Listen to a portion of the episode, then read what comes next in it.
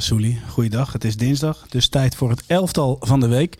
We zijn zojuist uh, uit de ja, videostudio gekomen. Daar hebben we de speler van de week uitgebreid besproken.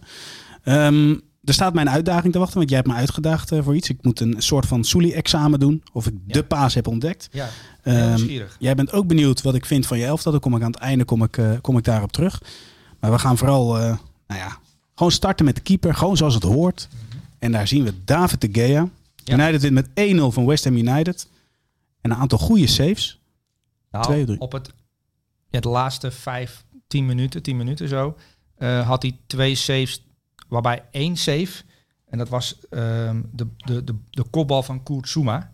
Zo. Waarbij iedereen in de 16 meter dacht dat die bal binnen zou vallen. Alleen toen kwam uh, David de Gea en ja, ik heb al besloten, als ik ooit een kat krijg, en ja, we hebben natuurlijk het gehad over de muizenplaag vorige week. Ja. Uh, als ik ooit een kat krijg, en het kan zomaar gebeuren dat die kat er eerder is dan, uh, dan we met z'n allen denken. Oh. Uh, dan heb ik zijn naam al. Dan noem ik hem David. David? David de kat. David de kat. Nou, maar als je, aan een, als je denkt aan het woord katachtige reflex komt, dat is natuurlijk een voetbalcliché, toch? Een keeper met katachtige reflexen. Ja. Um, dat is wel op toepassing van David de kat. Ja. We gaan, gaan ook gewoon zijn naam veranderen. Ik noem hem gewoon voortaan David de Kat. Maar dat is, dit is wel een, een specialiteit van het huis, hè? dit soort reddingen van uh, David de Kat. Maar jij gaat je kat een naam van een keeper geven? Ja, jij, jij hebt laatst uh, onthuld hoe je hond heet. Nee, wat is een kat? Oh, het is een kat. Ja. een vrij groot uitgevallen kat dan. Nou, jij hebt mij laatst ook verteld dat hij een voetbalnaam heeft, toch? En dat de, de, de kinderen mochten kiezen tussen een aantal namen. Frankie, Virgil en Messi. Ja. Dus ik koos voor Messi. Maar je kiest toch... Ja, je hebt toch vroeger ook gevoetbald? Uh, ja, maar... Alhoewel, ja, misschien heb je wel... Want een kat is eigenzinnig op zichzelf. Misschien is het wel ja, goed om een keepersnaam te hebben, ja. Ja, nee, ja. Je, maar moet het dan niet gewoon Gianluigi zijn? Of vind je dat lastig als nou, je dan de straat in gaat met de kattensnoepjes? Een, een, een, kat heeft al zoiets, als je een kat ziet lopen, kijk mij nou eens lopen. Katten stralen wel uit van ik loop hier. En, uh, iets arrogants. Iets arrogants. En als die kat dan ook nog Gianluigi heet, dus een mooie naam heeft, dan ben ik bang dat die kat in zichzelf gaat geloven. Dus om nou een kat John Luigi te noemen. En ook stel je voor dat je je kat kwijt bent. En dat je naar buiten loopt als... Uh, ja, maar dat wil ik dus, dat wil ik dus zien. Ik wil de goat... Luigi. Ja, ja met kattensnoepjes. in Nederland of in een normale wijk dat je je kat gaat roepen dat hij John Luigi heet. Altijd met kattensnoepjes doen, hè? Ja, Mijn vrouw die zoekt vaak de kat samen. Kom je toch ophalen, man. Ja. David is gewoon een vrij normale naam. Ja, dat heb je wel een punt. Heb wel een punt. Maar goed, maar goed uh, David de Gea. Ja. ja um, ik had twee namen genoteerd bij uh, Manchester United. Nou, misschien wel drie zelfs. Uh, Lisandro Martinez, die op een gegeven moment uh, met gevaar voor eigen lijf en ledematen en vooral zijn hoofd een, een bal blokt.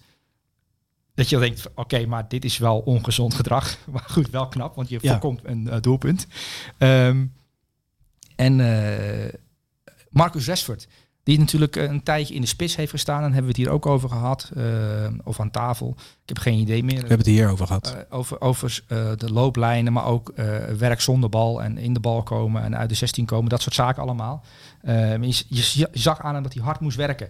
Ja. Om het allemaal te handelen zo tijdens zo'n wedstrijd. En dat het wel veel opdrachten waren voor Marcus Rashford. En nu speelde Ronaldo in de spits en speelde hij vanaf de linkerkant.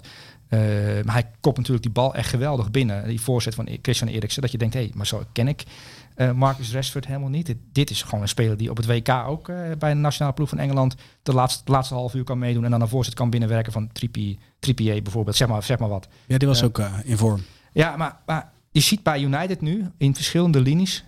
Ja, kijk, dat Casemiro doet wat hij kan. Dat hebben we natuurlijk bij Real Madrid jarenlang gezien. Als je die tijd geeft en het vertrouwen geeft, dan hoef je die weinig te vertellen. Want die bijt zich ook zelf heel goed voor op wedstrijden. Dan ja. krijg je ook nog de input van de technische staf en van, van, uh, van Ten Hag ja, dan, doet hij, dan kan hij gewoon uh, perfect functioneren in zo'n elftal. En dan is het uh, naast, uh, naast Casemiro Martinez. En heb je ook nog of, Eriksen en dan Martinez erachter. En tot mijn verbazing Harry Maguire, die natuurlijk een tijdje kwijt waren. Aanvoersband afgenomen, op de bank beland. En die moet nu Varaan vervangen. Ehm, Hoe deed hij dat? Nou, hij, hij, had niet het hoogste cijfer van alle spelers. Hè. Martinez was echt de, degene die uitblonk achterin en die wel die, die hele achterhoede bij elkaar houdt ook. Uh, na elke redding van de Gea is het Martinez die iedereen oppept. Um, en ook um, wat ik wel leuk vond, uh, was natuurlijk op zondag die wedstrijd, hè, Manchester United. Met de Gea als absolute uitblinker in de slotfase. Uh, maar de spits van West Ham United die inviel, Michael, Michael Antonio, um, die zat in de studio van Match of the Day. En ik weet niet of je dat gezien hebt die avond. Maar die was dus na de wedstrijd eh, naar, ehm, ja, in Manchester gebleven, want daar zijn de studio's van de BBC. Ja. En die was de gast eh, als analist. En ze hadden een aantal clipjes van eh, de manier waarop hij probeerde vrij te komen. En Martinez die hem in de gaten hield. En dan ging hij tot de, in detail uitleggen wat hij dacht en hoe eh, Martinez probeerde slimmer af te zijn. Alleen Martinez keek één keer om en ze gingen, al- hij liep naar de eerste paal. Martinez keek om. Eh, hij wachtte eh, en hij liep in zijn rug. En hij zei, ik bleef, in zijn blinde hoek bleef ik lopen. En ik wist, hij gaat nog een keer kijken. En als hij nog een keer kijkt, dan ga ik. Want dan heb ik een voorsprong. Alleen Martinez, die keek, maar die keek ah, nep eigenlijk. Dus hij keek, ik weet, als ik nu kijk, dan gaat hij diep. En dan loop ik met hem mee. En dan haalt hij bal. En toen Michael Antonio zei, ik heb nog nooit een verdediger meegemaakt die mij tijdens een sprint in de maling neemt. Dan ben je wel ongelooflijk intelligent bezig. En dat vond ik heel leuk om te horen van een spits die dus in het, huid, in in het hoofd probeert te kruipen van een, van een verdediger. Ja. En dan heeft hij tijdens die sprint eigenlijk al door, oh, ik ben beetgenomen. Hij keek dus, en, maar ik zat helemaal niet in zijn blinde hoek. Hij had me al die tijd gewoon in de gaten. was sowieso leuk, hè? Want als je... je, je- Nou, je- dit ik hoor je vaak detail, over. voetbal Ja. praten mis ik soms in Nederland. Dan, dan ik niks van. Ik vind Raf van der Vaart, heel leuk, eh, na 11. En lekker met de bitterballen. En eh, als je een drankje op tafel hebt, helemaal fijn. Ja. Eh, maar inhoudelijk over voetbal, eh, het, zijn, het zijn vooral meningen. Eh, en daar hebben wij soms ook wel eens last van, dat je mening ergens over hebt. Eh, maar in deze podcast kun je ook gewoon eh, gedetailleerd naar voetbal kijken, in dit geval luisteren. Maar dat vond ik dan wel leuk om te zien, dat gewoon de, de, de spits van West Ham United, die de moeite neemt om s'avonds uh, na zo'n verloren wedstrijd in de studio te zitten. Match of the Day, leuk programma, daar kijken ook veel mensen naar, in Engeland ook en ook in Nederland geloof ik.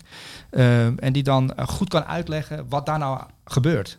En waar, waarom Martinez daar een geweldige save uh, of een geweldige redding verricht. Moet je ook wel de voetballer voor zijn. Want jij hebt ooit met Martin de Roon heb je een interessant gesprek gehad. Uh, wij hebben samen een keer met uh, Arnold Danjuma in de studio gezeten. Ja. Wat mij betreft nog steeds de leukste uitzending die ik zelf persoonlijk heb gemaakt namens Voetbal International.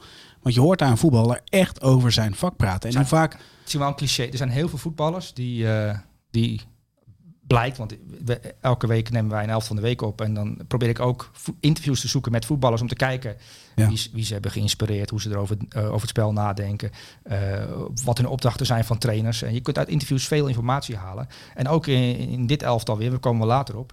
Uh, heb ik een interview met de speler gelezen. Ik dacht, goh, dat is wel, uh, wel heel erg gedetailleerd. En op een bepaald detailniveau nadenken over waarom je wat doet. En, en uh, vragen krijgen en originele antwoorden ook uh, op geven. En dat wilde je mij ook uitleggen. Hè? Want ik, uitleggen. Ik, kijk, ik kijk vaak eh, naar beelden, naar statistieken. En nog een keer naar beelden. En dan hebben wij het over nou, de spelers die dan eh, geselecteerd zijn. Maar jij gaf erbij wel aan van, joh, ga nou vaker die interviews lezen... om te achterhalen wat zo'n jongen drijft. Nou, kijk, laat ik het zo zeggen. We gaan straks op een middenvelder komen uh, van Leeds United. En na deze uitzending weet ik dat jij voortaan op een andere manier naar die middenvelder gaat kijken. En dat, dat vind ik leuk. Dat, want sinds ik, ik dat heb een interview gelezen uh, met hem. En Mag ik daar één ding over zeggen? Ja. Voordat we naar die speler gaan. Ik heb op mijn notitieblaadje staan Nigel de Jong. Nigel de Jong. Oké. Okay. Bij die speler. Ja, ja, ja. ja. Uh, kan ik niet bij voorstellen, maar daar gaan we het zo over hebben. Gaan we het zo over hebben. David de Gea um, ja, was van groot belang voor de ploeg van uh, manager Erik ten Hag. Maar wat zeggen de cijfers? We hebben statistieken natuurlijk, uh, zoals, zoals, zoals altijd. En Canada is er weer bij. Die, Micha die is, die is er weer bij. En die heeft weer genoten van mijn elftal. Mailde die. waarvan achter. maar David de Gea. Ja. West Ham United kreeg een XG on target. Hoef niet meer uit te leggen. Dat hebben we in de vorige podcast uitgelegd. Expected goal. De luisteraar. Ja. Expected goals on target van 0,84. Dat is eigenlijk gewoon een, één zeker doelpunt. Uh, dus normaal gesproken had het 1-1 moeten worden. Ja. Maar dankzij de redding van De Gea op die kopbal van Kurtzuma en ook nog een schot van... Uh, die eigenlijk dus niet te pakken zou moeten zijn. zijn die pakte hij dus wel, omdat, ja. omdat het een kat is. David de Kat. David de Kat. Um, wint hij twee punten voor zijn team. En dit seizoen alleen Nick Pope en Ederson van City en uh, Nick Pope van Newcastle hielden zo'n meer clean sheets dan De Gea. Dat is toch ook wel leuk. Uh, dat, uh, dat, uh, dat United de, op defensief gebied vrij stabiel is geworden. Dat heeft te maken natuurlijk met Dalot, die echt in niveau is toegenomen. En dat, net als Rashford.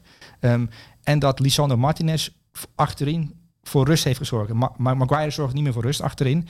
En het was ook de vraag, wie staat er naast Maguire? Is dat, ja. is dat Varaan of Lindelöf? het maakt niet zoveel meer uit of je Lindelöf, Varaan of Maguire er neerzet. Want Martinez is er. En de linksbackpositie, we hebben natuurlijk over uh, Tyrone Malasia gehad, die natuurlijk ja. al een aantal wedstrijden nu uh, niet meer speelt, omdat uh, Shaw het goed invult. Absoluut. maar die, die, die, die linie daar, daar achterin voor de Gea, die... Oh, ik hoor een geluidje. Is dat, je, is dat jouw telefoon of zo? Ja, we moeten straks eh, inbellen met Bas. Maar ik Ah. zal het geluid uitzetten. Ehm, maar dat, dus United kan, en dat, dat hebben we ook over gehad. Dus ze kunnen, ze kunnen een wedstrijd over de streep trekken als ze niet zo briljant voetballen. Want het voetballend gezien is United natuurlijk nog niet daar waar het moet zijn. Er moeten natuurlijk wel nog een aantal transferperiodes komen. En dan moet er kwaliteit aan zo'n ploeg toegevoegd worden. Dat Ja. je er een spits hebt rondlopen die er gewoon eh, twee inknalt. Maar die ook op een intelligentere manier beweegt dan, eh, dan Cristiano Ronaldo nu doet. Die, die wel, dat viel mij op. dan komt zijn bal, komt hij natuurlijk het 16 meter gebied binnen en dan op zijn linkerbeen die bal en die schiet hij dan eh, vrij ongecontroleerd, maar hij probeert hem de kruising in te schieten. Eh, ik denk van ja, die bal die kun je eigenlijk niet maken. Dat is een eh, expected goals waarde van 0,08 of zo. Ehm, die Ja. hoef je niet op doel te schieten, maar hij schiet natuurlijk altijd op doel. En dan mis je daar soms wel verfijning, rust en, en, en echt gewoon een topspits. En Ronaldo is natuurlijk een legende en, en die zal er echt nog heel veel maken als hij de kans krijgt en, en goed bediend wordt. Eh, maar de nummer 9 van United de komende jaren is hij natuurlijk niet. Nee, helemaal mee eens. Ehm De Gea een 9. de Gea 9? Ja. Uitstekend. Wil je nog iets over de kat zeggen? Je weet wel, hè, als je die beslissing neemt, dat de aandacht thuis nog minder wordt. Hè? Voor, Voor jou. maar dat vind ik dat erg. Dat Dat is de vraag. Nee, maar daar moet je, als je daarmee kan dealen, moet je het doen. Eh, eh, oh, trouwens, ik heb nog een kleine rectificatie aan aanleiding van eh, de vorige podcast. Oh. Eh, ja, we hebben het natuurlijk over Oesmaan Belen gehad en over eh, trouwen. Eh, en een oplettende luisteraar zei, maar hij, hij heeft ook gewoon vader geworden. Dus dat speelt ook mee. Dus Kijk. moeten we even, nog even meegeven dat Oesmaan de Belen en zijn stijgende vormpeil is ook te danken aan, eh, aan, aan, een, aan een kind. Kijk, Hij is vader geworden. nou dat is mooi. Heel mooi. We Ja. gaan door naar de volgende, want we zijn eh, al eh, ruim 10 minuten bezig en we hebben alleen maar de keeper gehad. En normaal gesproken zou je wat minste aandacht voor de keeper moeten hebben. Eh, wij zijn uitgekomen bij Trippier, de rechtsback van Newcastle United. En de nationale ploeg van Engeland waarschijnlijk. En nou ja, in deze vorm, want hij beheerst alles. In zijn duel sterk en de voorzetten. Nou, ze hebben er 44 in Engeland. Alleen daarvan zijn er nu 42 geblesseerd. Hè? Want Reece James bijvoorbeeld van Chelsea Ja. eh, weggevallen. Maar je hebt natuurlijk eh, Walker van City. Ja, en eentje komt gewoon absoluut niet in de En- plannen voor. En Trent Alexander-Arnold heb je het waarschijnlijk over. Die, Ja. die niet eh, betrouwbaar genoeg is op het gebied van verdedigen. Hè. Volgens Southgate. En daar heeft hij een punt. Ehm, en ja, Trippier, of Trippier, ehm, van Newcastle United, die heeft natuurlijk bes- het besluit genomen om, eh, om eh, ja, terug naar Engeland te gaan. Die natuurlijk bij Atletico speelde. Ehm, maar hij is daar aan die, aan die rechterkant bij Newcastle gewoon een spelmaker. Eh, het, is, het is een verdediger. En, maar als je hem gaat beoordelen op verdedigen, dan zie, zal je ook mindere punten ontdekken. Want hij is natuurlijk niet de allerbeste verdediger ter wereld. Maar als je dan de statistieken ziet, dat de meest succesvolle voorzetten van alle spelers in de grote vijf competities, daar staat hij gewoon op nummer 1. 49 Ja. succesvolle voorzetten. Weet je wie er op nummer 3 staat? Ja, Branco van der Bomen. Ja. Ja, die, eh, Het WK komt er echt aan, hè? je, Maar ook van de bomen. eh, je wil hem in de WK-selectie praten? Ja, dat Nou kan ja. niet meer, hè? Hij is, niet, hij is natuurlijk niet genomineerd voor die eerste 44. Ja, maar je weet hoe verhaal is. Kan Ja. zomaar. Hij luistert deze aflevering. Wie weet. Nou, maar over Branco van der Bomen gesproken. ehm, we, we hebben natuurlijk een, eh, ja, een video over hem opgenomen. Hij zat natuurlijk ook in de podcast.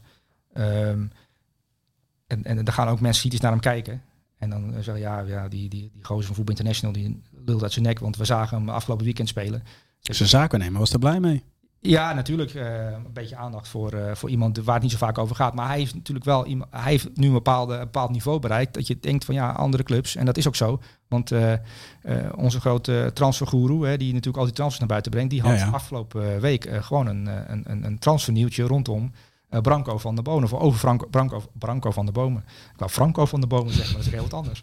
Ehm, eh, dat, dat clubs uit Spanje, Engeland en Duitsland eh, deze binnenkort transfervrije speler aan het volgen zijn. Ja, dat verbaast me helemaal niet. Ehm, en eh, ja, goed. Ja, heb je, weer gewoon, heb je gewoon weer goed gezien, uh, Sully. Dat wilde ik niet zeggen, maar het is wel zo. Dat klopt wel. hey, ehm, ehm, ja, zullen we cijfer geven aan Trippier? Ehm, nou, kijk, Newcastle United, die, ja, we moeten natuurlijk eh, iets eh, sneller erheen. Maar creëerde tegen Aston Villa vier kansen. Ehm dat is ook weer eh, top. Ehm, en heeft in dit seizoen al 31 kansen gecreëerd als rechtsback. Ehm, en daar zijn geen verdedigers die daaraan komen, dat, dat, aan dat aantal. Hè. De, de volgende verdediger staat op nummer 2 en die heeft acht kansen minder gecreëerd. Dus het is wel echt een enorm wapen voor Newcastle. En tot mijn blijdschap zat Alain Saint-Maximin weer op de bank. Ze staan nu in de top 4. Hij komt er weer bij. Ehm, Gaat leuk worden. De- Ik vond Botman trouwens ook goed. Ja, Botman eh, haalde gewoon zijn niveau. Ja. Eh, en als hij zijn niveau haalt, dan is het een hele sobere verdediger die het clean, clean allemaal clean oplost. Eh, ja, daar, was, daar waren ze bij Nieuw- Newcastle ook weer heel tevreden over, inderdaad. Klopt. En terecht. Ja. Cijfer voor Trippier. Eh negen. 9. We gaan door naar de volgende verdediger. En daar, ja, ik, ik, ik moet examen doen. Ja. Want tijdens de opname van Speler van de Week gaf jij bij mij aan, als jij de paas kan ontdekken, ja, dan, dan, eh, ja, dan, dan ga je punten scoren Ja. in mijn, eh, Ja, in mijn ja, hiërarchie. Eh, ik, ben nou heel, ik ben heel nieuwsgierig of je me eruit hebt gehaald. 30ste minuut. Klopt, in minuut 30. Ja. Ja, en Precies eh, rond, we hè? zitten. Ja, maar je, 30-0-0. je moet wel. Ik vind de paas alleen, dat doe je het echt te kort mee. Het gaat om het hele plaatje. March wordt onder druk gezet, wordt de hoek ingedreven. Chelsea wil druk zetten op Brighton, speelt hem lastig terug naar Dunk, de centrale verdediger van Brighton. Links centraal. En Links centraal. Mars is de rechter wingback. Precies. De rechtsback. De rechter, Ja. rechter wingback. Captain neemt hem aan, lastige bal. Gemiddelde verdediger zou hem wegtrappen. Zeker, zekerheid voor alles en weer aansluiten. Hij nam aan, speelde de bal vervolgens naar Caicedo. Kijk, Moises Caicedo. Goeie speler ook. Ja. Die speelt vervolgens eh, weer terug. En dan komt het mooie. En dat vind ik misschien wel het mooiste aan die paas. Hij wordt onder druk gezet. Want Chelsea ging pressen. Ja. En op het moment dat hij... Hij speelt nog één keer middenveld erin. Hij krijgt hem terug. Dus hij heeft drie spelers aan zich gebonden. En dan komt de paas Ja. op Joe Veldman. ja. Door alle linies heen. De rechtsback die aan de binnenkant stond. Was de En- paas op Pascal Groos, hè? Pascal Groos. Was hij niet op Nummer Veldman? 13. Nee, op, op Pascal Groos, 13. En dat was de rechtsback.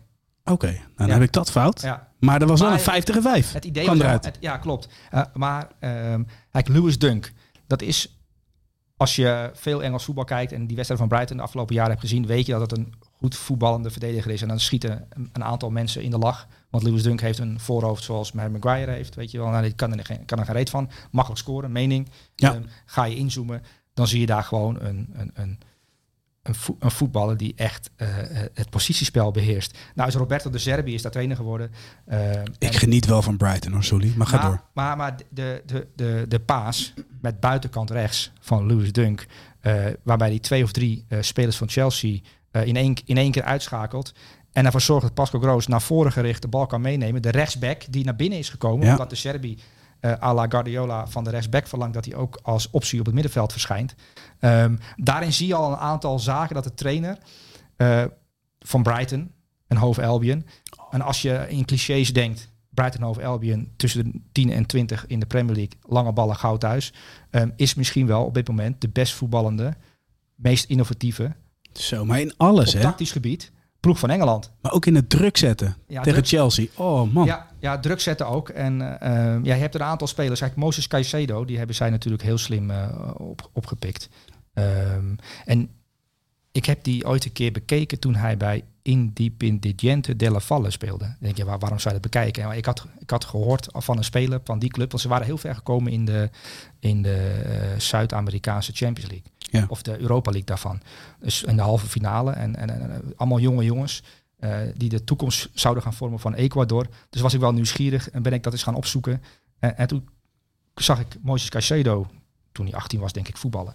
En toen dacht ik van, wel, dat is wel een interessante speler om in de gaten te houden. En Ja. daarna, werd hij al heel snel eh, opgepikt. Ehm, maar die gaan we met eh, Nederland natuurlijk tegenkomen, Ecuador. Eh, Interessant. ja, is een, ja, is een interessante speler. En is een van de spelers die waarschijnlijk voor veel geld. eh, en Brighton heeft uh, Cucurella voor veel geld verkocht aan Chelsea. Ehm, maar wat je eigenlijk niet, eh, of- niet genoemd hebt, of misschien, ja, heb je misschien wel genoemd. Maar dat de trainer van Chelsea, Graham Potter, Ja, ja. was de trainer van Brighton. Dus het onder druk zetten van Lewis Dunk. hij kent die spelers zo goed. En dan is, is Brighton toch in staat om, om Chelsea op eigen helft op die manier kapot te pressen. Oh, Eigenlijk. maar ja, ja, Ja, dat, dat is wel knap. echt. Ehm, en ook eh, Chelsea probeert het andersom natuurlijk ook. Eh, je zag ook dat, eh, dat, dat Graham Potter zijn spelers de opdracht hebben gegeven. Ehm, zet op die manier druk. En die spelers kunnen daar wat minder goed mee omgaan. Maar ja, Lewis Dunk is dus in staat om daar met buitenkant rechts gewoon met een wonderpaas er ronduit te voetballen. Ehm, en dat vond ik echt een grandioos moment. en dat deed hij vaak, hè? Ja, dat deed hij heel vaak. En hij dribbelt ook met buitenkant rechts, eh dribbelt hij in. En als je zijn, eh, jij bent natuurlijk van de heatmaps, hè? Jij, houdt, jij vindt leuk. dat soort kunstwerken. Ja, jij leuk. zou het liefst in je huis heatmaps willen ophangen. Ja, ik krijg het Ja. er niet doorheen. Maar de heatmap van, eh, van Lewis Dunk, dat is een penis. Heb je dat gezien? Ja, ik- ja, je attendeerde mij erop. Maar, uh, ja, ja, dat is dus gewoon een stijve penis. Maar dit, kijk, de meeste verdedigers hebben natuurlijk een bepaalde heatmap. Maar je hebt van die verdedigers die ook graag indribbelen. En Lewis Dunk heeft dan uh, de vrijheid ja. van zijn trainer om in te dribbelen. Dan krijg je zo'n kaarsrecht omhoog, uh, zo'n zo rood gebied omhoog.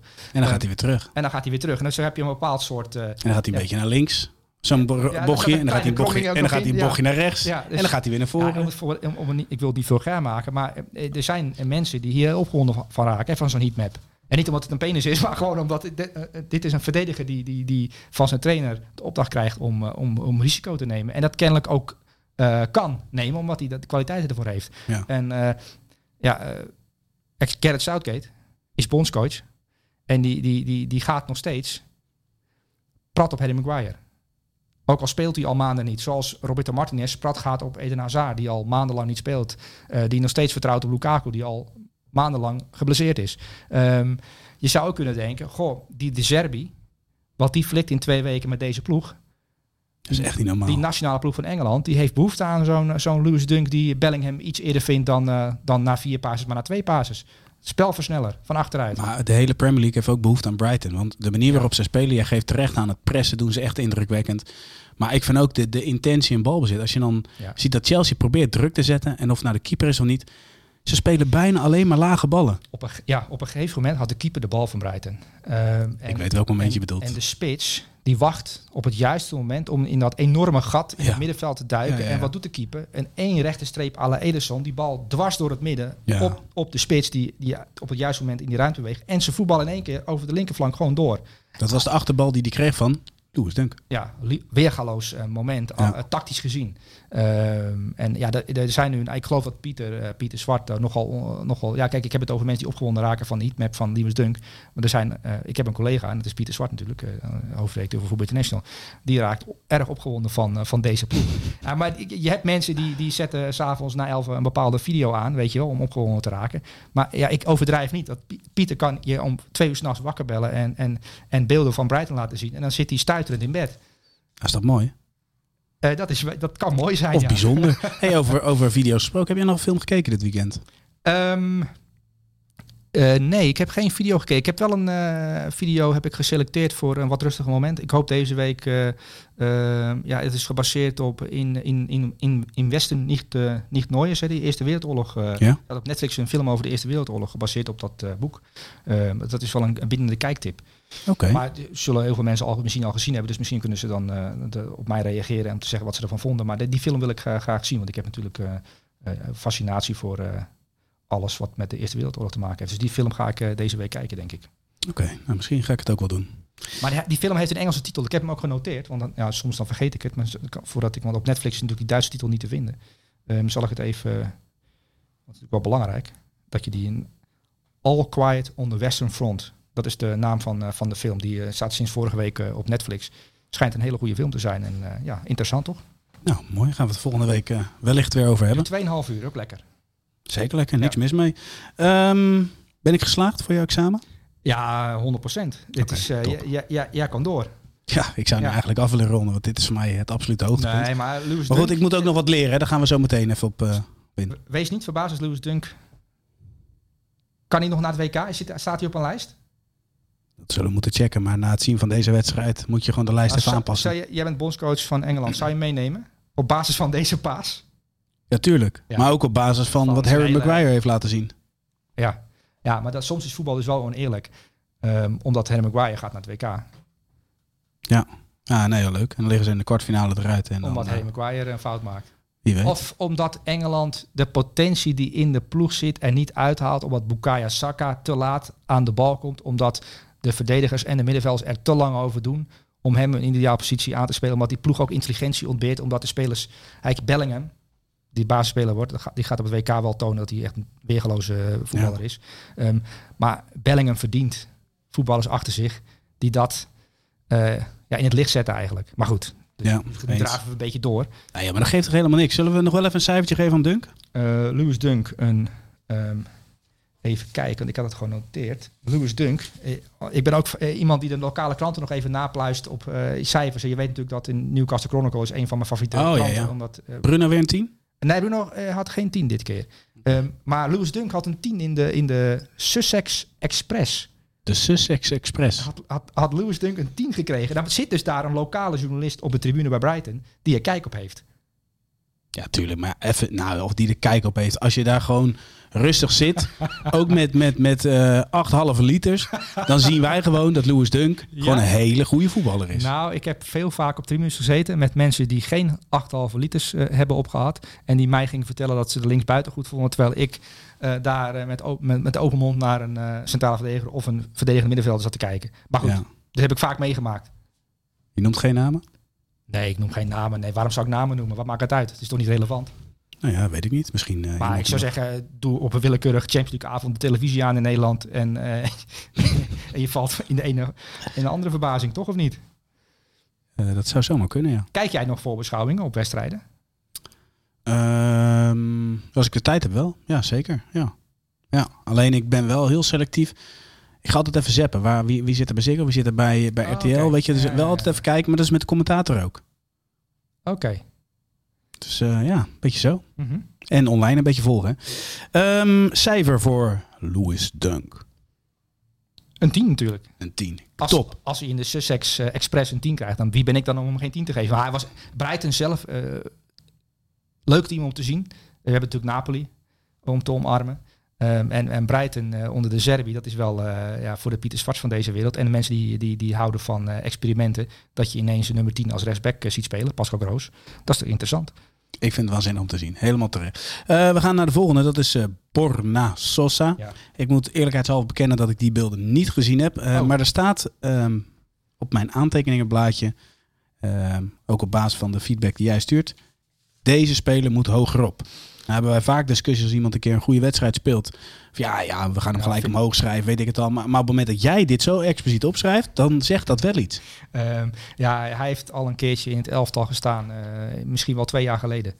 Ehm, dus dit, dit vind ik sowieso al een eh, interessante speler. Omdat hij eh, unieke kwaliteiten heeft. Vooral linkervoet. Ehm, en dit seizoen, ik heb het over Borna Sosa. Ja. Die, die creëerde tegen Augsburg zeven kansen. Nou, zeven kansen creëren als linksback. Hij speelde met vier man achterin. Hij speelt echt linksback. Ehm, dat is eh, ongelooflijk. Alleen dit seizoen eh, is het niet zo heel vaak over Borna Sosa gegaan bij Stuttgart. Sterker nog, hij, hij was er helemaal niet. Uit, uit vorm, eh, niet aanwezig. Ehm, dan ga je toch op onderzoek uit hoe dat kan dat hij nu in deze wedstrijd ineens weer komt bovendrijven. Ehm, en dat hij eh 20 voorzetten weet te geven in één wedstrijd tegen Augsburg. 20 voorzetten in één 20 wedstrijd. voorzetten. Ja, dus een wapen. Wat blijkt. En jij zegt terecht, het is geen wingback hè? Het is gewoon een normale back. Nou, eh, het is eh, van origine natuurlijk eigenlijk een middenvelder. Alleen die is dan omgeturnd bij eh Stuttgart tot wingback.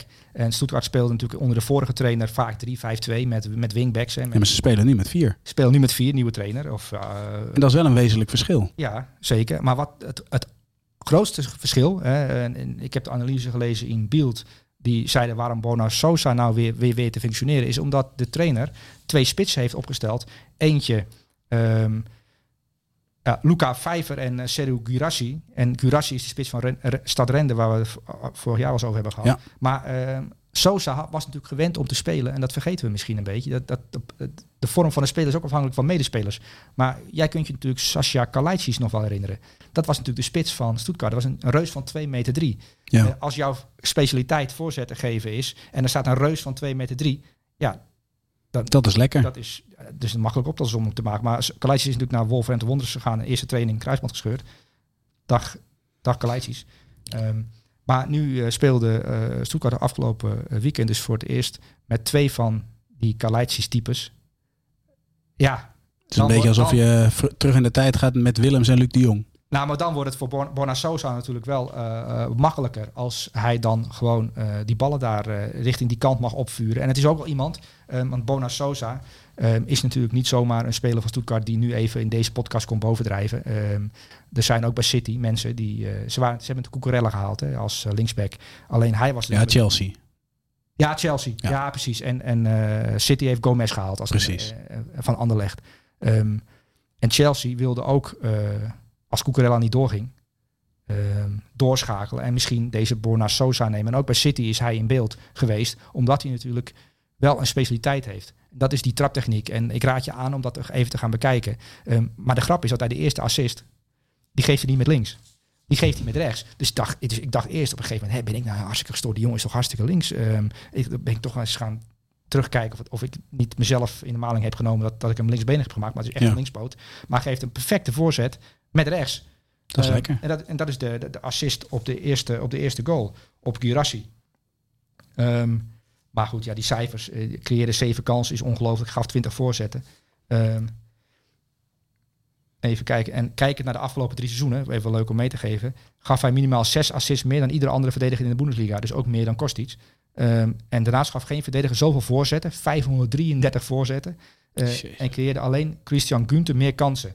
Dat, Günther is natuurlijk de, de, de, de back van, eh, van Freiburg. En Freiburg Ja. is ook zo'n ploeg waar we het nooit over hebben. Maar het zit ook redelijk goed in elkaar. Ehm, maar Bona Sosa, Kostic speelt natuurlijk nu in de top bij Juve. En dat doet hij gewoon de Kostic dingen. Dat is eh, spelers beter maken door gewoon die bal in de voeten te schuiven. Ja. En eh, deze Sosa, dat is ook iemand die, ja, die, die, die naar, naar een topclub moet. En om daar een spits te voeden, of spitsen te En voeden. dan toch wel als wingback, denk je? Nou, kennelijk dus ook als linksback.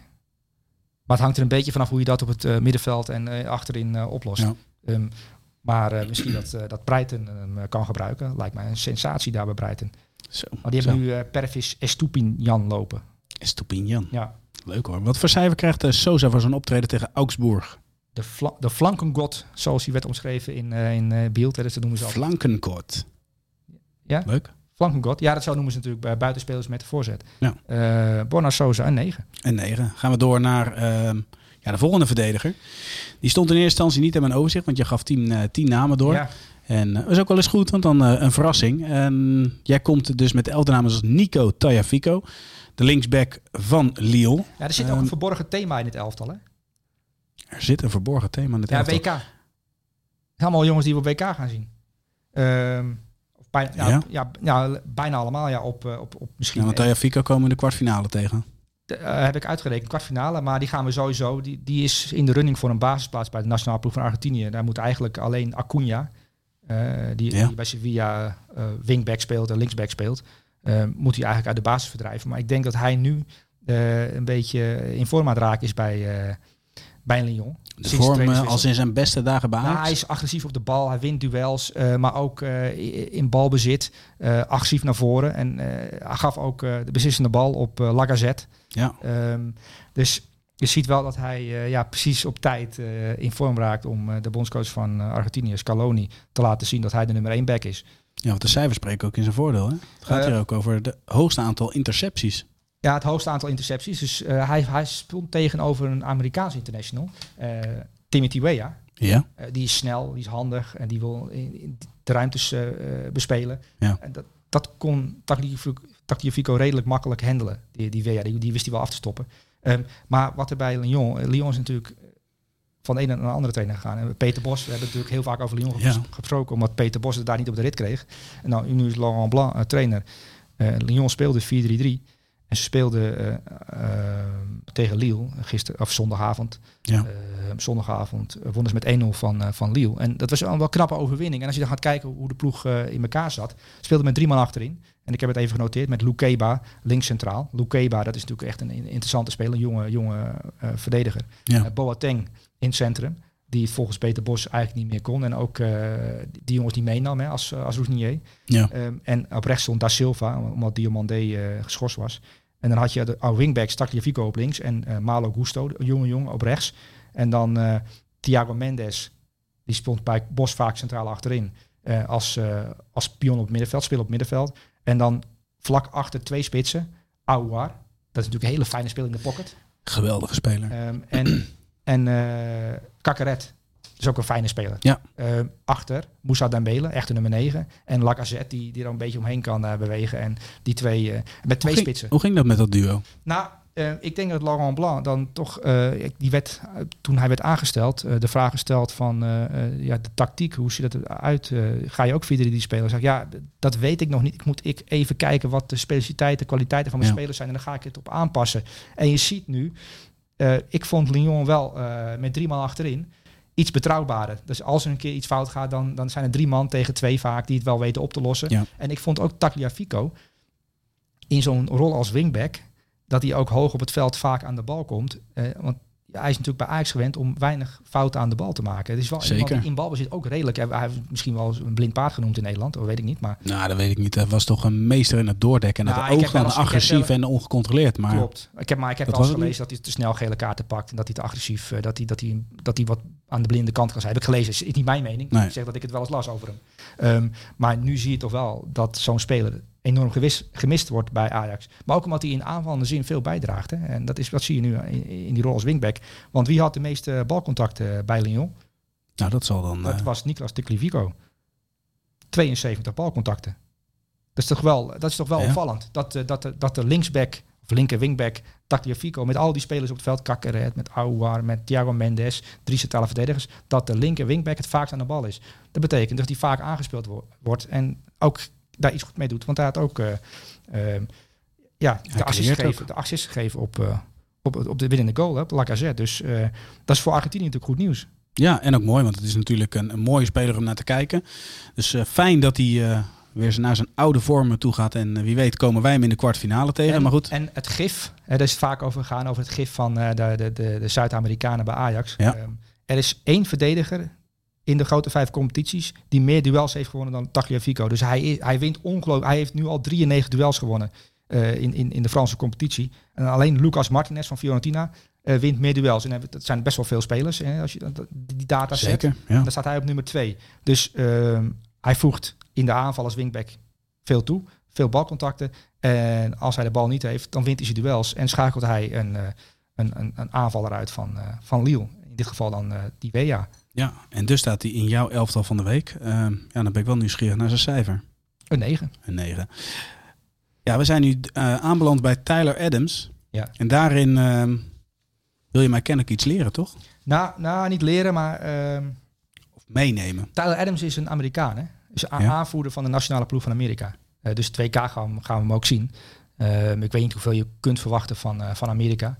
Eh, Canada was daar het beste in die kwalificatiezone. Ja. Ehm, maar die hebben een aantal jonge, interessante talenten. Eh, je hebt natuurlijk eh, bij Chelsea een jonge speler lopen, Pulisic, die is ook Amerikaan. Zeker. Ehm, je hebt bij Valencia een jonge jongen rondlopen van een jaar of 19, 20, die aanvaller. Ehm, zo kun je allerlei spelers opnoemen die, die bij Amerika interessant zijn. Maar Tyler Adams, die ooit, ik, ben, ik heb al jarenlang die VS Scout, Scout rubriek en toen Pieter, eh, Pieter Zwart, die had eh, toevallig New York Red Bulls eh, gezien. En die zei, je moet even naar New York Red Bulls kijken. Er loopt daar een jongen van eh 17, 18 jaar. Dat is een interessante speler. Dus ik had nog nooit van die jongen gehoord. Dus ben ik gaan bekijken. Wat bleek dus Tyler Adams te zijn. Die speelde toen bij de New York Red Bulls. Is daarna naar Leipzig gegaan. Heeft daar onder Nagelsman gespeeld. En ook onder Jesse Mars, die nu zijn trainer is bij Leeds United. Oké, Ehm, verklaart een hoop. Maar ga door. ja, precies. Verklaart een hoop dat hij nu bij Leeds United is beland. Ehm, maar die blonk uit tegen Liverpool. Ehm, en eh, ja, eh, Leeds United won natuurlijk op een zeer belangrijk moment voor ook voor Jesse Mars. Want eh, die stond onder zware druk. En na, een zware nederlaag had zijn einde betekend bij deze club, bij Leeds United. En dat zag je ook na afloop, dat onder andere Tyler Adams direct na afluiten op die Jesse Mars afliep en zijn ogen inkeek en zo, we hebben het geflikt. Je bent nog trainer. Dat vond ik wel mooi om te zien. Ehm, maar eh, de speler, Tyler Adams, eh want ik zei van je moet ook wel eens interviews lezen om die spelers beter te begrijpen. Ja. Ehm, dit is de speler die in de grote vijf competities eh, misschien wel het beste is in druk zetten. Eens. Ehm, en dan ga je toch, wa- wa- waarom heeft hij dat speciale Maar talent? ook in het terugsluiten. In ja, alles. Ja, waarom heeft hij dat speciale talent? Waarom heeft hij dat, die, die Kante, dat Kante hupje in zijn spel? Ja, ja. Wanneer je druk zet, die Kante timing, wil ik het eigenlijk noemen. Dat heeft hij in zijn spel zitten. Dan ga je interviews lezen en denk ja, inderdaad Kante, dat kijkt hij al jaren naar. Maar dan gaat, zegt hij, nou, weet je, weet je hoe dat kan misschien? Ja, ik heb er zelf ook over nagedacht. Dat is een inte- zeer intelligente jongen. En die zei, ja, ik ben opgegroeid als basketballer. Ik voetbalde pas op latere leeftijd. Ik ben eigenlijk te klein voor, voor, een, voor, ba- voor basketbal te spelen. Maar ik heb jarenlang vijf tegen vijf gebasketbald. Wat doe je als je op een basketbalveld staat? één tegen één duels. Ja. Continu duels. Duels. Ja, maar aanvallen, verdedigen, aanvallen, verdedigen, aanvallen, verdedigen. Ja, maar dus altijd in een duel. Altijd in duels, maar veel, veel kortere duels dan in het vo- voetbal. Ja. Grotere afstanden om af te leggen. Omschakelen Maar wij ook dat. de timing van wanneer je druk zet. Dat heeft hij bij het. Hij zegt dat gevoel dat heb ik eigenlijk gecreëerd op een basketbalveld. En dat heb ik later meegenomen naar het voetbal. Dat is een enorm voordeel dat ik in de jeugd geba- gebasketbald heb. En dat ga je toch op een andere manier. Weet je, dat vind ik dan leuk om te lezen in zo'n interview. Dat een jongen er zelf mee komt. Van ja, dat zou wel eens kunnen. En dan natuurlijk, eh, hij zei ook, ja, ik heb ook jarenlang. eh, ik bedoel, als jongetje ben ik uh, vroeg opgestaan op hele rare tijden om Barcelona te bekijken. Want ik wilde voetballer worden. En Sergio Busquets, dat was de middenvelder. Die moest je worden. Dus dan ging ik kijken wat zijn geheim was. En toen, gelukkig voor hem, zei hij dan ook. Ja, gelukkig kwam ook N'Golo Kante. En, en die leek iets meer op mij. En dat dacht ik, oh, ik kan, ik kan voetballer worden. Want Busquets is natuurlijk een totaal andere wereld. um, Als er dan veel naar basketbal gekeken, tenminste daar is hij dan mee opgegroeid, hè? En, uh, want bal afpakken is wel zijn grootste kwaliteit, toch? Uh, ja, en hij, voor hij kan ook goed voetballen, voor maar... bal afpakken kan hij redelijk goed voetballen. Dat is eigenlijk de goede combinatie. Nou, dus moest ik aan Nigel de Jong denken. Maar als je dan naar basketbal uh, gaat, dan denk ik... Ja, Dennis Rodman, dat was ook zo één. Pakte al die ballen. Ja, ja maar die, die, had, killer. Toch, die had toch hele andere kwaliteiten. Maar, um, Zeker. Um, kijk, Carmen Electra. Die, ja? ja? dat wilde ik niet zeggen. Maar die kon, die kon, die kon keihard feesten. En dan uh, twee uur later uh, op een basketbalveld uh, ja, met steals. Bizar, maar dat is een hele andere. Maar ik vind ja. basketbal een heel leuke sport. Hè. Dat is, ik ook. Um, je, je, hebt wielrennen, vind ik leuk om te volgen. De, de Giro en de Vuelta en zo. Um, maar ik wil nog wel eens um, een basketbalwedstrijd opzetten. En, en daarna gaan kijken. En om, omdat het echt topsport is. De NBA heb ik het over. Hè. Ja, nee, eens. eens. Dat is geweldig. Maar het is dan wel leuk om deze jongen, Amerikaan in, in het Europese clubvoetbal. En, en we hebben het ook vaak over Bellingham en, en, en uh, Gumarais. Maar dit is wel een interessante speler die zich goed ontwikkelt uh, bij Leeds United. En dan ga je op zoek, zijn er al transferruchten rondom hem ontstaan. En dan zie je toch dat Manchester United hem al een tijdje volgt. En eventueel op de lange termijn hebben ze natuurlijk wel opvolger van Casemiro nodig. En dat zou hij dan kunnen zijn. Maar dit is wel een jongen om in de gaten te houden bij, bij Leeds United. Omdat hij inderdaad in het druk zetten is hij wel een van de betere in... je hebt Chouameni, dat is ook een fenomeen. Absoluut. Je hebt Kante, die helaas niet meegaat naar het WK. Maar dit is wel een interessante speler om bij de Amerikanen in de gaten te houden. Um, en bij Leeds United uh, natuurlijk. Ja. En wat ik ook nog wilde zeggen, Pascal Struik is natuurlijk linksback. Hè? Die is natuurlijk een nieuw leven begonnen als linksback uh, een tijdje geleden. Um, en die stond tegenover Salah. En? Geen probleem. Toch leuk? Dat is zeker dat, mooi. Dat hij die, die, die, die, die switch naar die positie goed heeft gemaakt. En dat hij dat de activiteit en de... En wat ik wel bijzonder vind. Ja. Salah komt graag naar binnen. Ja, maar ontwikkeling. Dus de, de, bij, bij Leeds United, uh, die natuurlijk in de problemen zijn geraakt en uh, de, tegen punten vechten. En die winnen nu dan uh, een enorme opluchting. En wellicht dat die Jesse Mars er alsnog uitvliegt na een paar nederlagen. maar in ieder geval een aantal spelers om in de gaten te houden. Nou is Tyler Adams er een van. Ze hebben natuurlijk Calvin Phillips verkocht aan City. Zien we en, nooit spelen. Nee, nou, hij is ook geblesseerd geraakt en daarom zien we ook nooit spelen. maar Tyler Adams, die heeft dat, die rol daar op het middenveld perfect opgenomen. Hij kan redelijk goed voetballen voor iemand die, die, die zijn grootste kwaliteit het, afpakken van ballen is. En als we de cijfers erbij pakken, um, slechts vier middenvelders in de Premier League dit seizoen meer ballen veroveren dan Adams. En dan heb je Declan Rice, dat is natuurlijk ook een speel die eigenlijk op een te laag niveau speelt. Dan heb je McAllister en uh, Rodri en Ruben Neves. Nou, dan noem je nogal, uh, vier, dat, zijn, dat zijn vier geweldige middenvelders. Absoluut. Dit is een hele jonge jongen nog, hè, 22 jaar. Dus. Ja, de vergelijking met Nigel de Jong, die kan je wel plaatsen. Ja, ik zou er niet direct aan Nigel de Jong uh, denken. Maar ik kan hem ergens begrijpen, maar ik vind zijn timing eerlijk gezegd wel eens beter. Nigel Jong zat er ook wel eens naast, hè? ook wel eens in een WK-finale. Kan je het nog herinneren? Zeker. Die zat zeker. er wel naast. Xabi Alonso uh, moet nog naar hem snakken. tegenwoordig in de studio als analisten bewonderen. Hebben in, al, op, in allerlei, ik geloof in het Midden-Oosten vaak, bij BeIN Sports, maar uh, ook uh, bij Viaplay, hè, Nigel de Jong. En? Hoe doet hij het? ja, prima. Geen klachten. Kijk, top. Cijfer voor Tyler Adams. Een 9. Een 9. Want um, ja, we blijven toch een heel klein beetje bij Liverpool. Tegenstander van Adams. Want Liverpool zonder Mané is toch wel anders. Maar Bayern met Mané is ook wel degelijk anders. Um. Ik vind Bayern zoveel dynamischer geworden ten opzichte van de jaren hiervoor. Dat, dat was ook precies de bedoeling van, uh, van Julian Nagelsman. Uh, met, met het, het, kopen van Sadio Mane wilde hij de ploeg bewegelijker maken, atletischer maken, in de omschakeling beter maken, maar ook in de kleine ruimtes. Uh, uh, wat Mane is, behalve dat hij als hij links buiten staat of links in die linker halfspace zone, ik weet hoe je het ja, noemen, maar als er een spits staat, uh, hij is ook nog bij voorzetten aanwezig in de 16, dus ook nog een, een extra aanvaller. Um, ja, dat is zo'n speler die misschien wat onderschat is, omdat het natuurlijk vaak over Virgil van Dijk ging en, en uh, vanuit Nederlands oogpunt. Ja. En ook over uh, Salah. Mohamed Salah, die natuurlijk alle goals maakte. Maar Sadio Mane scoorde ondertussen ook best vaak. Um, en zonder bal zoveel meters voor de ploeg afleggen. Ehm, maar ook, ook op hem is toch wel kritiek geweest hoor in, in, in de Bundesliga. Want het is geen Lewandowski, scoort niet zoveel. En het is geen echte. Nee, ja, geen bal het vast. is geen Lewandowski, even Ja, serieus. Ja, maar dat zijn dus dat, dat zijn. ja, ik lees ook maar wat. Hè. Ik, ik hoor, ik, ik denk, goh, dat is gewoon grappig. Ja, dat kun je, dat kun je inderdaad concluderen dat het eh, geen man is die de 40 maakt in een Bundesliga. Ja, nee, hij maakt er geen 40. Ehm, maar hij maakt wel, eh, hij maakt eigenlijk wel 40 omdat je eigenlijk alle goals moet optellen. Je moet Precies. eigenlijk kijken hoeveel goals heeft Lewandowski gemaakt en, en, en al die anderen samen. En hoeveel aan het eind van het seizoen hebben al die spelers gemaakt. Musiala, eh, Thomas Müller, eh, Gnabry. Wat we denken van Mazraoui, die zich langzaamaan Bij zijn tweede assist op Goretzka speelde Masrui ook een belangrijke rol. ja, ja ik, eh, het, gaat, het gaat natuurlijk vaak over Matthijs de Ligt, want dat is eh, onze posterboy. Eh Masraoui, die werd eh, door de commentator, dat vond ik wel leuk, als eh, Hollander aangeduid. Ik weet niet of jij dat eh, eh, meegekregen had, maar hij wordt, eh, die Hollander, eh Masraoui, hoorde ik de commentator zeggen. Ik denk, grappig, hij wordt in Duitsland gewoon als, ja, het is natuurlijk eigenlijk gewoon een Nederlander, maar hij speelt voor Marokko. Ja, het is gewoon een voetbal-Nederlander natuurlijk. ik denk dat de Van Gaal hem wel heel graag had gehad. Ja? Denk jij van niet? Nou ja, we hebben natuurlijk Denzel Dumfries en daar zijn natuurlijk, die speelt. En we hebben natuurlijk in, in de vorige podcast uitgelegd hoe hij de gouden bal gaat veroveren in Qatar. Dus. Oké, duidelijk.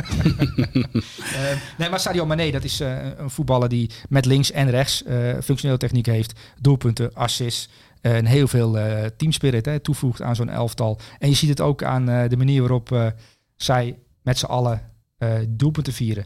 Het is echt meer team geworden. En de rol van Choupo-Moting, en dat is- daar zal eh, binnenkort wel eh, meer over eh, loskomen. Want dan gaat Nagelsman natuurlijk daarover moeten praten. Want dan gaan mensen dan Ja. vragen. Want Choupo-Moting scoort best vaak. Eén op één loopt hij nu ongeveer. Lewandowski aantallen. Ja. Ehm, maar vooral, ehm, hij zorgt ervoor dat, dat die jongens daarachter, en dat kan dan Sané zijn, dat kan Musiala zijn, dat kan Gnabry zijn vanaf de rechterflank, dat kan Ja. Koeman zijn als hij vanaf links speelt, dat kan Mané zijn, ik noem al nogal wat namen, dat zijn allemaal opties. En die komen van alle kanten. Dat komt, Choupo-Moting houdt er twee bezig. Dus ja, dan is er één minder voor, voor die andere. Dus er is meer ruimte dankzij Choupo-Moting. En ik denk toch dat, eh, dat Nagelsman, dat is, iemand, dat is een veelkijker, Net als Tyler Adams trouwens. Dat vond ik ook wel leuk om te zien. Die zei, ja, dit- hij, hij beweerde in het interview, hij kende in ieder geval geen medespelers die zoveel voetbal keken als hij. Zei hij, ja, ik kijk, hij kijkt alles. Alleen maar, en hij vertelde ook dat hij eh, van Greg Barhalter, de bondscoach, we gaan nu gewoon over Tyler Adams praten. Ja, dat dat vind ik gewoon een prima. leuke toevoeging. Want dat, dat soms dan vraag je je wel eens af en dan, dan kom ik op een ander punt. Ehm, Tyler Adams die kreeg de opdracht van Greg Barhalter. Hij is bij de Amerikaanse ploeg soms rechtsback. Maar hij is rechtsback en verdedigende middenvelder. Dus hij heeft twee rollen in, in één. Zoals eh Philip Laam dat vaak had ehm, ehm, bij Bayern München onder Guardiola. En toen zei hij van ja, die Greg Berhalter die kwam naar me toe en die zei ik wil dat je deze rol gaat vervullen. Ik ook is geen probleem trainer. Ik heb bij Bayern München de laatste jaren elke wedstrijd gezien. Ik weet precies wat ik moet doen. Dus die bondscoach die keek zo, ah, oké, ik hoef je niet uit te leggen wat, wat ik... Nee, nee, ik weet precies wat ik moet doen. Ik heb Philip Laam zo vaak zien spelen. Dat ik denk van, oké, maar het is, een jong, het is een jonge jongen. Hè?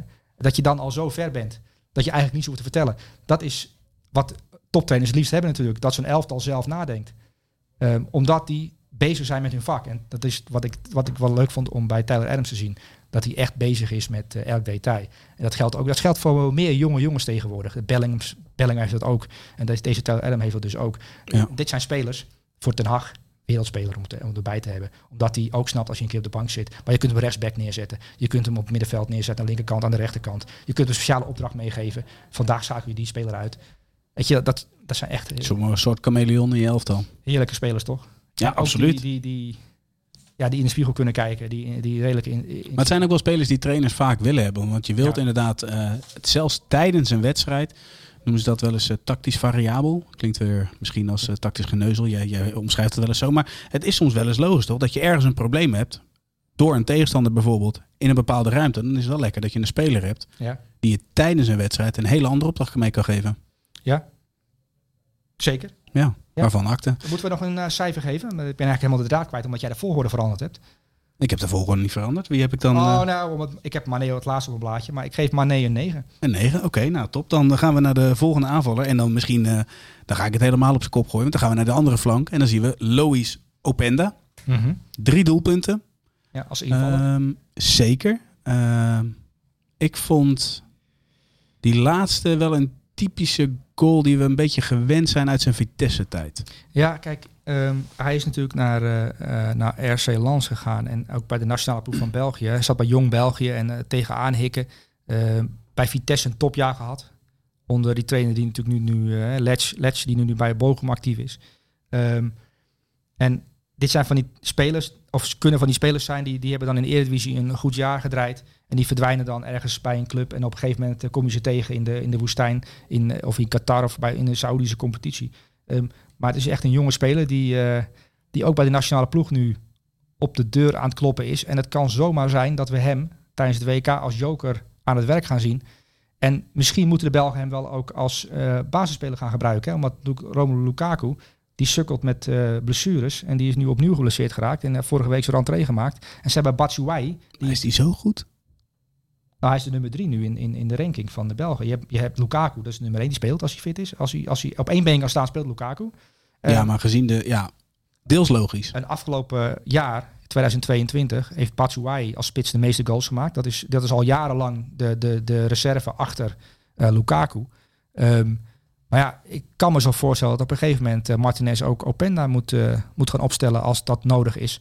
Um, maar die heeft wel ja, nu bij Lans laten zien dat hij, dat hij een scoort vermogen heeft. Dat hij een wapen kan zijn. Dat hij in de Ligue 1 ook...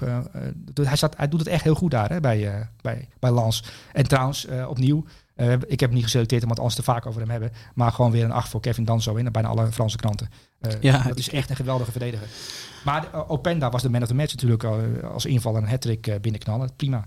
Oké, nou ja, wie weet gaan we hem op de WK tegenkomen. Maar um, had voor... jij hem helemaal niet verwacht in de WK-selectie van, van de Belgen? Jawel, dat wel, dat oh, wel. maar okay. dit is meer, ik, je, soms heb je ook wel eens dat trainers naar een andere oplossing dan gaan kijken. Dus misschien wel met een valse negen spelen. Dat hebben ze natuurlijk ook, hè, met Charles de Ketelaar. Nou ja, dat, dat ja. bedoel ik. En dan, en dan denk ik, dan zou ik dat logischer vinden uh, ten opzichte van Openda. Openda lijkt dan een ideale invaller.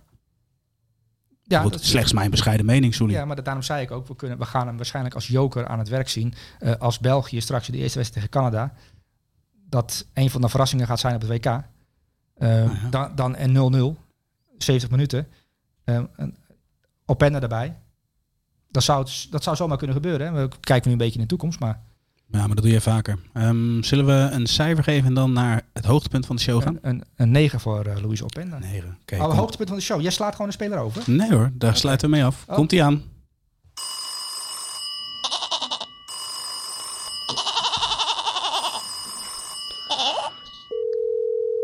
Hallo, mijn Bas. Zegt u maar. Kijk, Bas, daar is hij hoor. Ja, het hoogtepunt van de show, hè? Absoluut. Sully, dat is toch zo? Ik, uh, ja, dat is mijn wekelijkse hoogtepunt. Ja. Dus ik, uh, ik, ik, zit eigenlijk met smacht te wachten op welke speler jij geselecteerd hebt. Ik ook. Vertel maar, Bas. Nou, ik heb gekozen voor uh, misschien wel de surprise van het weekend. Tenminste, in mijn ogen. Ries Nelson. Oeh, Arsenal. die onverwacht bij Arsenal mocht invallen. Het kwam zelfs van hemzelf onverwacht. Saka raakte natuurlijk geblesseerd. Uh, Arteta liet een paar spelers warming-up doen. Uh, Nelson ja, kon het eigenlijk niet geloven toen hij, uh, toen hij kreeg van oké, het is aan jou, jij mag gaan invallen. Ja, voor het eerst sinds jaar eigenlijk weer eens belangrijk in een, in een Premier League wedstrijd. Wel leuk, leuk feitje ook dat de eerste wedstrijd die Arteta coachte als Arsenal manager, kreeg Ries, Ries Nelson een basisplaats in 2019. Kreeg hij door al de voorkeur boven Nicolas Peppe. Eigenlijk door blessures en ja, allerlei omstandigheden zijn potentie eigenlijk nooit helemaal uitgekomen. Alleen uh, ja, nog maar 22 jaar jong. Tegen Nottingham Forest uh, belangrijk met twee goals, een assist. Ja. En hij, hij zei na de wedstrijd, dus, ja, het was alsof ik... ik waande me in een FIFA-spelletje. Ja. Ja, zo perfect liep het eigenlijk allemaal voor. Ja, ik op een gegeven moment, hij, zijn tweede goal, uh, dat, dat werd later bij, bij de Match of the Day uitgelegd. Hij werd natuurlijk ook geïnterviewd. En, en toen zag je hem, zeg maar, wandelen van 16 naar 16. Dus Arsenal flitsende aanval. En op een gegeven moment over vele schijven valt die bal in de 16 opeens voor de voeten van Reis Nelson. Uh, en hij tikt die bal dan binnen. Maar hij, uh, hij, het was niet zo dat hij naar de 16 sprintte om daar aanspeelbaar te zijn. Hij wandelde rustig alsof hij inderdaad FIFA aan het spelen was naar die plek toe. En hij werd op een gegeven moment aangespeeld en, en ramt die bal binnen. Maar ja, ik, ik snap je keuze voor Reis Nelson. Ik bedoel, het is een enorme impact als invaller. Um, maar ik ben heel benieuwd hoe, hoe de komende weken, en ja, vooral na het WK, wat zijn rol dan gaat worden. Want als dit mm. natuurlijk elke week is, twee goals en assist, ja, dan, uh, dan wordt het leuk. Ja, het ging, het ging nu natuurlijk ook over hè, dat die, uh, dat die laatste maanden wel echt uh, impact had, ook op trainingen. Dat hij die basisspelers scherp hield en, ja. en volwassen was. Nou ja, dat dat zo benoemd wordt, is ook wel een teken dat er in het verleden natuurlijk wel een beetje aan, uh, maar heeft, schortte. Heeft hij ook benoemd, uh, misschien heeft die Feyenoord-periode hem wel heel goed gedaan hè, onder Arne Slot. Dat Ja. Arne Slot zijn Ja. ogen ook een klein beetje geopend heeft. Dat dat, dat, dat misschien wel geholpen heeft. Ja, ook daar moest hij knokken natuurlijk. Hè? Ja. In de eerste half jaar was het helemaal niet zo indrukwekkend. Alleen daarna eh, steeds meer ook eh, gaan doen in het spel zonder bal. Het afjagen, daar ging hij eh, voorop. En het is natuurlijk een jongen die wel echt kansen kan creëren. Ook met zijn dribbles. Hè? En, eh, Nagelsman heeft hem eh, bij Hoffenheim gehad. Die zei Ja. ja. dat hij zelden iemand had gezien die in de 1 tegen 1 zo handig is. Ja. En ja, het maakt toch wel een interessante speler om te volgen. En eh, nog altijd maar 22, heeft een aflopend contract eh, bij Arsenal. En stond eigenlijk te boek als een van de grootste talenten van zijn generatie. Hè? Die, eh, in die groep met eh, Sancho. Hij was er ook bij toen eh, Engeland, in, eh, of Engeland onder 17 wereldkampioen werd. Ja. Onder Steve Cooper, de trainer van eh, Nottingham. Ja. Dus eh, ja, wat dat betreft ja, was het wel een mooie dag voor hem natuurlijk, eh, waarop veel eh, samenviel. Goed verhaal moet ik zeggen. Ja, ja, ja inderdaad. Dat eh, WK onder 17 in India. Ja, Zo. Ja, mooie ploeg heb was ik alle. Wie, wie was die spits ook weer? Brewster, toch? Eh, ja, Brewster van Liverpool. Ja, die Oh, heeft ja. toen daar is zwaar geblesseerd Ja. geraakt. En eh, ja, het is niet helemaal uitgekomen. Maar Phil Foden was daar eh, de grote man hè, eh, van die ploeg. En ook... Maar die Bruce heeft wel een aantal wedstrijden toen gespeeld, toch? Ja, maar die is, die is natuurlijk niet als spits doorgebroken. Hij heeft niet de potentie waargemaakt. En ehm, de cent- centrale verdediger van Crystal Palace, geloof ik. Ja, Crystal Palace speelt er nu. Ja, Gwee. Die, stond toen centraal achterin. Dus je ziet, al- heel veel spelers van die ploeg zijn nu langzaamaan naam aan het maken. En Gwee kan, kunnen we zomaar gaan zien hè, op, het, op het WK. Dat is het thema van vandaag, absoluut. Bas. WK. Gaan we Niel, Nielsen ook misschien zien daar, of niet? Nee, Nee, nee, nee. Nee, ze hebben nog wel wat keuzes. Hè. Plus eh, Southgate is, eh, is geen eh, trainer van de dribbelaars. Hè? Als het even kan, stelt hij liever geen op. Nou, kijk, Gerrit Southgate die heeft een machientje. En dat machientje rekent uit wat de grootste eh, winstkansen geeft. Welke opstelling. Dus die gooit Ja. vijf opstellingen in het machientje. En die heeft een paar we- datawetenschappers om zich heen verzameld. En die rekenen dan voor hem uit wie die moet opstellen om, om die wedstrijd te winnen. Wat de grootste kans geeft. En, en dat is wat je ziet. En Trent Alexander-Arnold, eh, als die, die zijn naam invult in dat machientje, dan slaat die machine rood uit. Want dan krijg je drie goals tegen. En dan denk ik, oh, die stelt niet op. Dus hij is helemaal in de ban van, van, die, van die geheime machine die de Engelsen hebben. Ja, jij, jij zit bij aan te kijken of ik ons in verhaal... eh, Nee, helemaal niet. Nee, ik vind, zo, dat, hè? ik vind het een ontzettend boeiend verhaal. Jij vindt het een boeiend verhaal? Ja. Ja. Ja, Ja, maar zo'n machientje is toch goud, man? ja. Ja, die, die, waren ook, die Engels waren ook zo bezig geweest met de trainen op strafschop. Hè? Ja, Southgate allemaal eh, psychologen bij die ploeg gehaald. En, eh, Wat goed is om, om de trouwens. Manier van aanlopen, manier van ademhalen. De tijd had helemaal berekend hoe, hoe de perfecte strafschop genomen moest worden. En ik had de indruk eerlijk gezegd dat die, eh, dat die spelers zo druk eh, waren met al die opdrachten die ze mee hadden gekregen. Dat ze helemaal verstijfden tijdens die, eh, die beslissende strafschopserie. Weet je wat ik dan aan moet denken, jongens? Nee? Dan moet ik ineens denken aan iRobot. Dat is een soort Oh jee. politie die wordt dan gecreëerd om, om het ultieme, ja, ja de, de ultieme veiligheid te creëren. Dus er wordt, iemand, ja, er wordt eigenlijk gewoon iets gecreëerd. Zou dat de volgende stap zijn in het voetbal? Om toch maar een film erin te gaan. was wel een slechte film trouwens, maar dat terzijde. Is dat met eh Will Smith. Will Smith? Ja, die, dan heb ik die film gezien. Een hele slechte film. Ja. Ehm, nou, die kant gaat het natuurlijk. Die kant gaat het natuurlijk nu ook al een beetje op. in Voetballers het, in, in creëren. het voetbal. Nou, dat die, die jonge jongens. eh, Bas, we hebben het onder andere over Tyler Adams gehad van Leeds United. Maar dat zijn jongens die, die vanaf hun 14e, 15e non-stop voetbal kijken. Die, die doen, doen hetzelfde als, eh, als wij doen. Alleen ze mogen op het veld staan en ze krijgen er veel beter voor betaald. Eh, maar die kijkt dag en nacht voetbal. Nee, ik vind het gewoon een goed verhaal. Ga door. Ik mag toch wel lachen? Ik heb, ik heb het naar mijn zin. Ja, ja, ja maar het- bij, dat zie je dus wel bij, allemaal bij die, bij, die, bij die jonge gasten. Die zijn best wel ver. En ja, dan begrijp ik wel dat als Schreuder trainer wordt van Ajax, dat hij wordt geconfronteerd met een spits. ehm, die dat minder van zich, vanuit, vanuit zichzelf heeft. Kijk, Ja. als Brian Brobby ehm, net, zo voetbal, net zoveel voetbal zou kijken als eh, Tyler Adams, dan had hij er nu 40 in de, in de, Eredivisie in liggen. Want het is natuurlijk... Ja, nee, ik... ik Maar Sorry, goed, het is een hot take, hè, zeggen ze wel. Ja. nou, maar dit is wel een interessant thema. Van wie haalt nou het maximale uit zijn, zijn loopbaan? Daar hebben we tal van voorbeelden van. Maar dan gaat dus wel investeren in je vak. Sommige, lastig is natuurlijk ook een beetje dat sommigen juist het maxi die Ja, hebben een bepaalde ja. mentaliteit waardoor ze eigenlijk het maximale eruit halen Precies. door niet Ja. te veel bezig te zijn Kijk, Neymar, met het is daar, maximale eruit halen. Neymar is daar een voorbeeld van.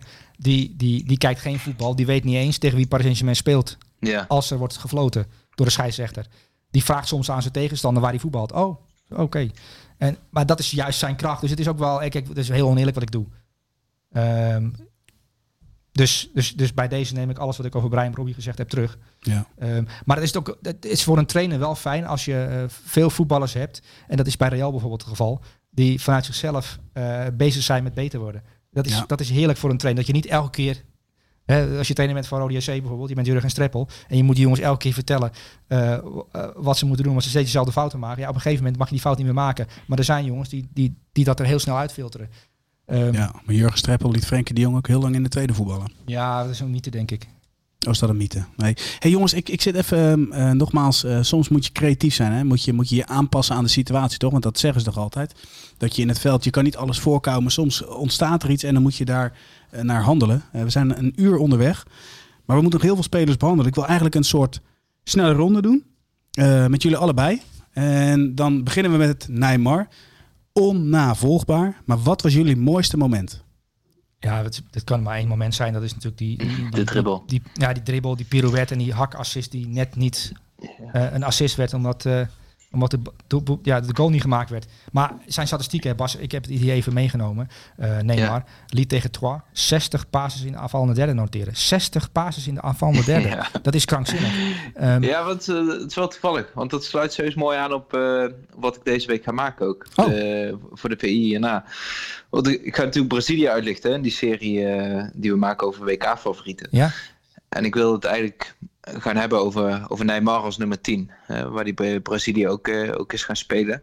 Ehm, en een rol die hem ook wel aan lijkt eh, te spreken. Hij, hij geniet daar wel van. Het creëren van kansen. Vaker aan de bal komen in de as. Eerder in de aanval aan de bal komen. En de bondscoach heeft er ook het een en ander over gezegd. Dus ik wil eigenlijk ook met statistieken gaan kijken inderdaad van... Hoe is de dribbelkoning eigenlijk veranderd in, in de spelmaker. Bas, neem je dan ook mee ehm, het, het verschil tussen Brazilië en Paris Saint-Germain? Want eh Sully geeft terecht aan in de laatste derde heel veel paas, maar gaf 92 passes totaal. Ehm, vorige week we hebben het uitgebreid over Messi gehad. Maar ja, wat voor invloed heeft dat daarop? Nou, maar de Brazilianen, eh, die hebben gewoon Bruno Guimarães. Die hebben eh, Casemiro. Die kunnen Fabinho opstellen. En die, die kunnen Fred nog uit de hooghoed over, alhoewel dat wel echt een min- mindere speler is.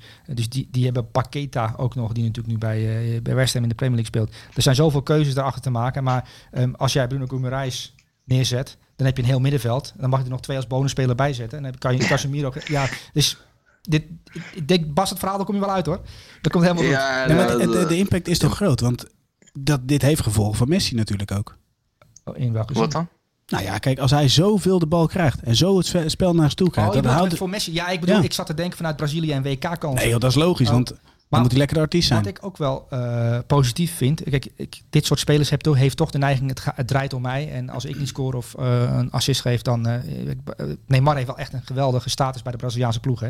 En, Ja. er is veel kritiek op hem geweest, omdat hij natuurlijk afgelopen twee jaar een beetje, ja, af en toe in een feestje belandde op per ongeluk. Of niet fit was.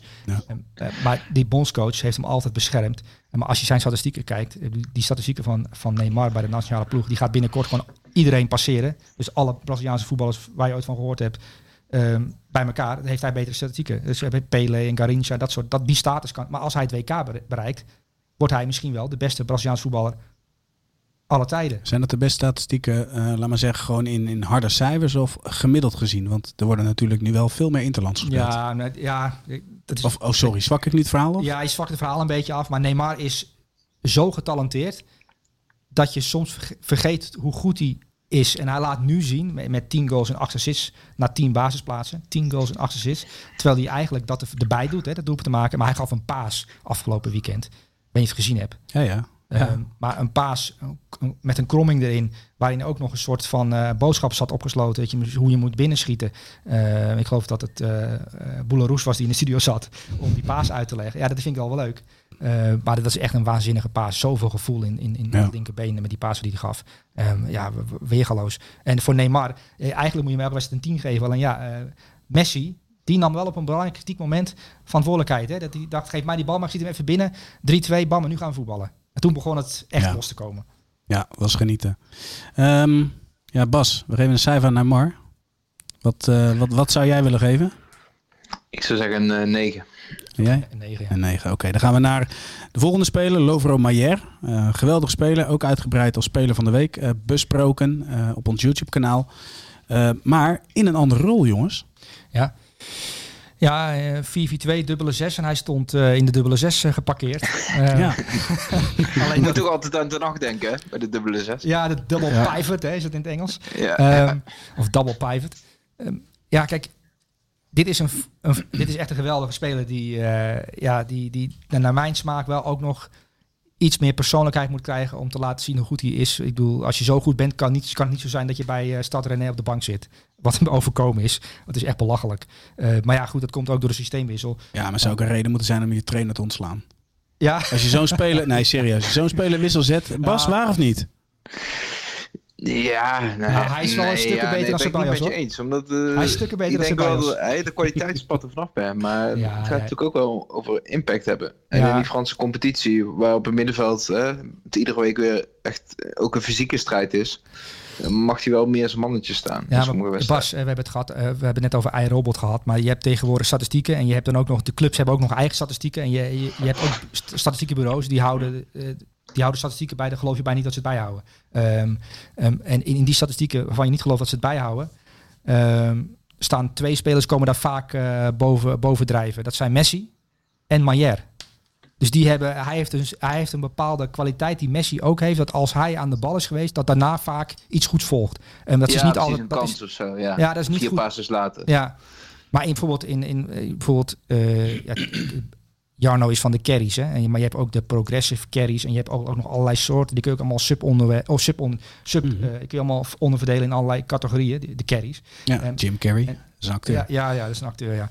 Ehm, maar in, in, in, in, in hele ingewikkelde carries, daarin staat Messi en Maier op 1 en 2. Of 2 en 1, dat hangt er een beetje vanaf hoe je het bekijkt, wanneer je het bekijkt. Ja. Maar dit, dit is wel echt een hele bijzondere speler. Dat als je die in een elftal neerzet met toptalenten, ik zeg maar, je zet Kevin de Bruyne om hem heen ehm, en Haaland, dan wordt het voetbal van City wel wat stukje, een stukje makkelijker. Dit, dit soort kwaliteit, hij het is echt een Bernardo Silva-achtige eh, speler. Alleen ik vind hem beter. Ja, dit is zo'n we- weergelas goede voetballer.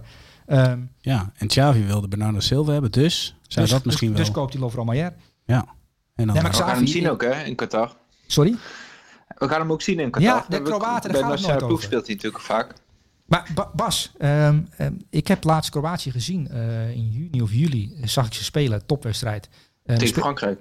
Ja, tegen Frankrijk, ja. En de Fransen werden weggespeeld. Ja, ja. Maar echt niet een beetje weggespeeld. Dat je denkt van, ook dit is echt declasseren met Kovacic. oh, met die is ook zo goed. ehm, en met eh, die van Inter, hè, de, de, de, de, de buschauffeur, En Brozovic. Brozovic. Maar Ja. je hebt dus Brozovic, Kovacic, dat is de favoriete speler van Jarno Verwij. En je hebt dan Modric, de favoriete speler van heel veel, heel veel voetbalvolgers. Ja. En dan is Lovro Maier. Dat is de favoriete voetballer van Souli trouwens, jongens. Maar stel je voor dat je ook nog als bondscoach Lovro Maier in weet te passen. En je hebt ook nog Borna Sosa als linksback. Man, dit, dit is een ploeg die moet wereldkampioen worden. Maar goed, nu draven we door, hè? Ja, Ik vind Ozic ook goed. Die, die aanvallen van Zagreb. Ja, dat kan. Beetje een mysterieuze speler. Ja, hij is een goede speler. Ja, in de Champions League heeft hij echt mooie dingen laten zien. Ja, ja, zeker. Ja, jongens. En wat voor cijfer levert het optreden dan op? Want we gaan gewoon lekker door. Een 8,5. Hij kan veel beter nog. Ik wilde gewoon het weer over Lovro Maier hebben. Daar had ik gewoon zin in. Ja, het is tijd geleden ook, Ja, hè? een tijdje geleden, ja. Eh, Bas, we gaan naar de laatste aanvaller. Of de laatste Ja. speler in het elftal. Dat is Victor Osimhen. Eh, fenomenale aanvaller van eh, de beste ploeg van Europa, jongens. Ja, de best nou, voetballende ben ik- ploeg. De leukste ploeg van Europa. De leukste. Ja, de leukste en daar maar niet de beste hoor. Dat is, ja, sorry, maar dat, ja, het is vanuit de Ajax-bril bekeken hè, om die, om die eh, resultaten Ah, Bas. wat te verzachten. Maar eh, ja, er wordt ook niet zoveel ingezoomd op de prestaties van Liverpool in de Premier League. Nee, dat klopt. En, je hebt wel gelijk. Vanuit Klopp en Schreuder is Napoli de beste ploeg ter wereld. Want die hebben het allebei gezegd. Ehm, Ja. ehm, maar ik vind Napoli wel bij de beste vijf ploegen van, eh, van Europa hoor. hoor. Ik weet Ja. niet. eh, je, ja, hebt het zit goed in elkaar hè. je hebt City, je hebt Arsenal. Het is een Eh, goed stel. Ja, maar Napoli, hè, ik, Bas, ik ben daar gewoon ingedoken afgelopen week. Ik wilde gewoon weten, eh, Spalletti, hoe die dat nou... ehm, want Stanislav Lobotka, daar hebben we het wel eens over gehad. Weet je, dat is, dat is een jongen met een bepaalde kwaliteit. Alleen die doet nu dingen dat die kwaliteit er helemaal uitkomt. Ehm, je hebt het over, over niet opvallen en goede basis geven. Dat is wat Lobotka doet. Ehm, maar ik vind het wel opvallend dat zelfs Mario Rui, die is nu zo goed bezig bij Napoli. Ja. Ja, eh, ja, die Portugezen, ja, je moet hem gewoon opstellen op het WK. Want eh, veel beter dan Rui. Op dit moment zijn ze niet op die plek. Eh, eh, Min Jae Kim. Weet je, daar, daar droom je over tegenwoordig. Ja. Min Jae Kim zie je uit. Een Zuid-Koreaanse verdediger. Die Smit eh, naar PSV wilde halen. Min Jae Kim. Maar die, die hebben ze uit Turkije, gehaald. Maar ehm, dan zo'n Spalletti, die, die, die laat hem dan eh, debuteren. En die noemt... En die, die, die Spalletti, die, die, die kan heel goed praten. Hè? Natuurlijk, Maar waarom kan een, goed coach, eh, een coach goed praten? Dan Denk je, is dat vanuit zichzelf? Is dat natuurlijk talent? Een soort retorisch talent? Ja, sommige mensen kunnen eenmaal goed praten. Eh, Nou, je moet ook veel presenteren aan je spelers natuurlijk. maar wat doet hij? Het, de, hij schijnt dus een, een, een geheim boekje te hebben. Eh, daar, daar schrijft hij dan op. eh Min Jae Kim heeft die training bekeken. Monster, monstruoso, monster. Daar laat hij dan vallen in een, in een, in een in een mediamoment dat het echt een monster is. En ineens is daar het monster Kim geboren. Weet je, je kunt Ja, als trainer ja. best wel eh, eh, in, in de media optreden. Gewoon zo tussen neus en lippen door eh, het monster Kim even laten vallen. En daar zijn journalisten gevoelig voor. Eh dan keek het monster Kim. En ja, zo'n jongen denkt ook, ik ben een monster. Dus je ziet op allerlei plekken in dat elftal jongens opstaan dat je denkt van jeetje, eh, elf uitblinkers in één wedstrijd, kan dat? Ja, dat kan Ja. kennelijk als Napoli voetbal. Want ik heb echt ehm, afgelopen zaterdag, mijn vrouw was er niet. Ik was met mijn dochter alleen, eh, Bas.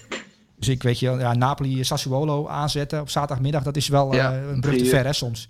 Ehm, maar ik zet het nu gewoon aan. En eh, mijn dochter naast me, die, die, die heeft intens genoten. En eh, ondertussen Tinkerbell aan op de iPad, weet je wel. Ehm, en het eerste half uur, denk ik, ga het eerste half uur even kijken of, of ze het Sassuolo eh, we- weg weten te blazen. Ja, en je, je- het eerste half uur, het is het beste half uur gezien heb dit weekend. Je hebt het trouwens over het monster Kim, hè? Bas. Als je dan, dan kijkt, en je hoort Ja. wel eens op het moment dat mensen het hebben over het eh, rondje langs de buitenlandse velden of speler van de week, elftal van de week. Dat ze eigenlijk, nou ja, door Souli, laat maar zeggen, een beetje meegenomen worden in het buitenlands voetbal, zodat ze op de hoogte zijn en dat ze dus een verhaal kunnen houden tijdens Ja. verjaardagen. Ja. Ja. Maar als je het over het monster Kim hebt en een jongen begint op zaterdagavond over het monster Kim, dan heeft hij waarschijnlijk gewoon de lelijkste vrouw het dorp te pakken gepakt. Denk je niet? Ja, ja, ik moet zeggen, ja, ik denk dan aan zo'n. eh, ja, aan een beetje de. Als een hele grote vrouw. een hele robuuste verdediger eh, in, de, in, de, in een vrouwenelftal. Maar ik, ik, ik, ver- ik sta hier een beetje, ik schrik hier een beetje van, maar dit is gewoon seksistisch wat jullie doen, hè? En we hebben het over Min Jae Kim, met Monster Kim. En jullie maken dan een Nederlandse vrouwennaam van en denken dan aan een lelijke vrouw. Ik vind dat best wel ver gaan. Ik, ik, eh, ik hoop dat... eh, Nee, nee, het gaat eh, erom, jij moet je nee, rol erkennen. Lelijk hebben we niet gezegd, hè? Nee, totaal niet. Dat maak jij er weer van. Jij gaat daar gewoon in verder. Maar jij moet je rol herkennen. jij bent er om de jonge kijker, luisteraar, laat maar zeggen, te laten eh, excelleren op een verjaardag. Want die maakt de indruk van, kijk mij eens even verstand van voetbal hebben. Maar als jij monster Kim, ja, ik vind wel dat je je moet oppassen. Oké. Want Nee, dit maar- wordt waarschijnlijk losgeklipt uh, geknipt ik op social. eh, ik, ik, ik Zonder moet wel context. zeggen, wat je net vertelde over Spalletti, dat is wel mooi hoe dat werkt. Hè? Dat, dat zo'n trainer daar ook over nadenkt. Ik denk dat het ook bij een club als Napoli heel goed werkt. Hè? Tuurlijk. Zo'n stad die, die toch wel houdt van, ja, van dromen. Eh, je hebt toch wel een soort underdog-positie richting het eh, rijkere noorden daar. Maar Roger Schmid deed dat ook bij PSV. Hè, met, eh, je kon op een gegeven moment de, naam Ramaljo kon je niet laten vallen. Of het ging over afweerchef. Ja, maar ik denk toch dat, dat, dat Spalletti en de manier waarop hij praat zit, is, is wel... Nee, het is verfijnder. is, veel verfijnder. En, en het is ook wel echt een leuke man. Eh, als je bijvoorbeeld dat interview ziet over zijn shirtverzameling. Weet je, dat heb je wel meegekregen, toch? Ja, hij, hij, ja. heeft ongeveer, hij heeft de grootste shirtverzameling op aarde. Eh, maar hij heeft ook eh, twintig shirts van Totti. En we weten allemaal, Totti en Spalletti, bij AS Roma natuurlijk gezeten. Hij moest op een gegeven moment Totti vertellen dat hij te oud was. Dat hij het niet meer kon. Ehm, maar dat deed hij wel op charmante wijze. Ehm, en dat kon hij, dus, dus hij heeft wel die shirt van Totti gekregen. Ehm, hij is ook degene die bij AS Roma eh, van Salah eh, heeft omgeturnd van dribbelaar tot, tot, tot, Ja. tot wat hij nu is. En dat zie je nu ook. Een Osimhen. Wat we, we- trouwens, we hebben, we hebben een, ik heb Victor Osimhen genomineerd, maar ook met een reden natuurlijk.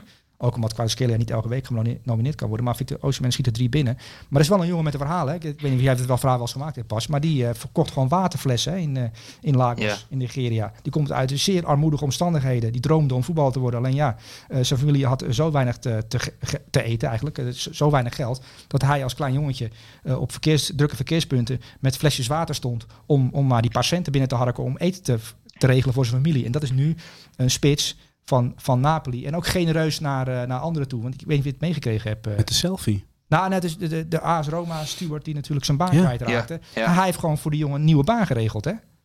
Ja. Dus het is wel gewoon... Ja, daar hadden, we, daar hadden we het vorige week nog over. Of dat nou in Napels zou zijn geweest of niet, die baan. Ja. Ja. Waar heeft hij een baan gevonden? Nee, maar eh, net wat je zegt, het is wel wonderlijk hè, wat voor een pad jongen heeft eh, afgelegd. Natuurlijk ook hè, nog een tijdje op huurbasis gespeeld bij, bij Charleroi. Dat lijkt me ook niet makkelijk, moet ik zeggen, als je als eh, jonge, jonge jongen uit Afrika Helemaal alleen beland in Charleroi. Ook niet uh, de meest inspirerende omgeving, laten we eerlijk zijn. Nee. En dan toch maar jezelf omhoog knokken. Maar wat, wat weet jij van Charleroi? ik kan het niet voor de geest halen. Ik moet wel denken misschien dat je daar het monster Kim wel tegenkomt. nou, dat kan zomaar. Nee, ja, het is natuurlijk een vervallen industriestad. Uh... Oké. Okay. Ja, dat, dat, jij, dat, ben jij nooit niet geweest. Weet. Dat jij dat niet weet, joh.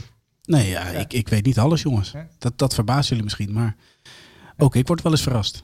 Vaker dan ik denk. Maar goed. Ja. Hey uh, Bas, um, ja, willen jullie nog het laatste cijfer geven aan Ocean? Eerst jij Bas en dan uh, Sully.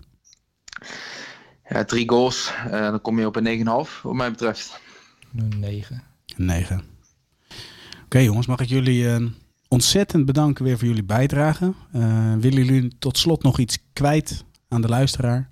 Maar of, of, nee, ja, ik wil eigenlijk gewoon nog even over Spalletti praten. Oh, dat is goed, joh. Hij, die, die, die, die heeft bijvoorbeeld, um, die denkt dus na. kijk, ik heb, ik heb eigenlijk heb ik te veel goede spelers.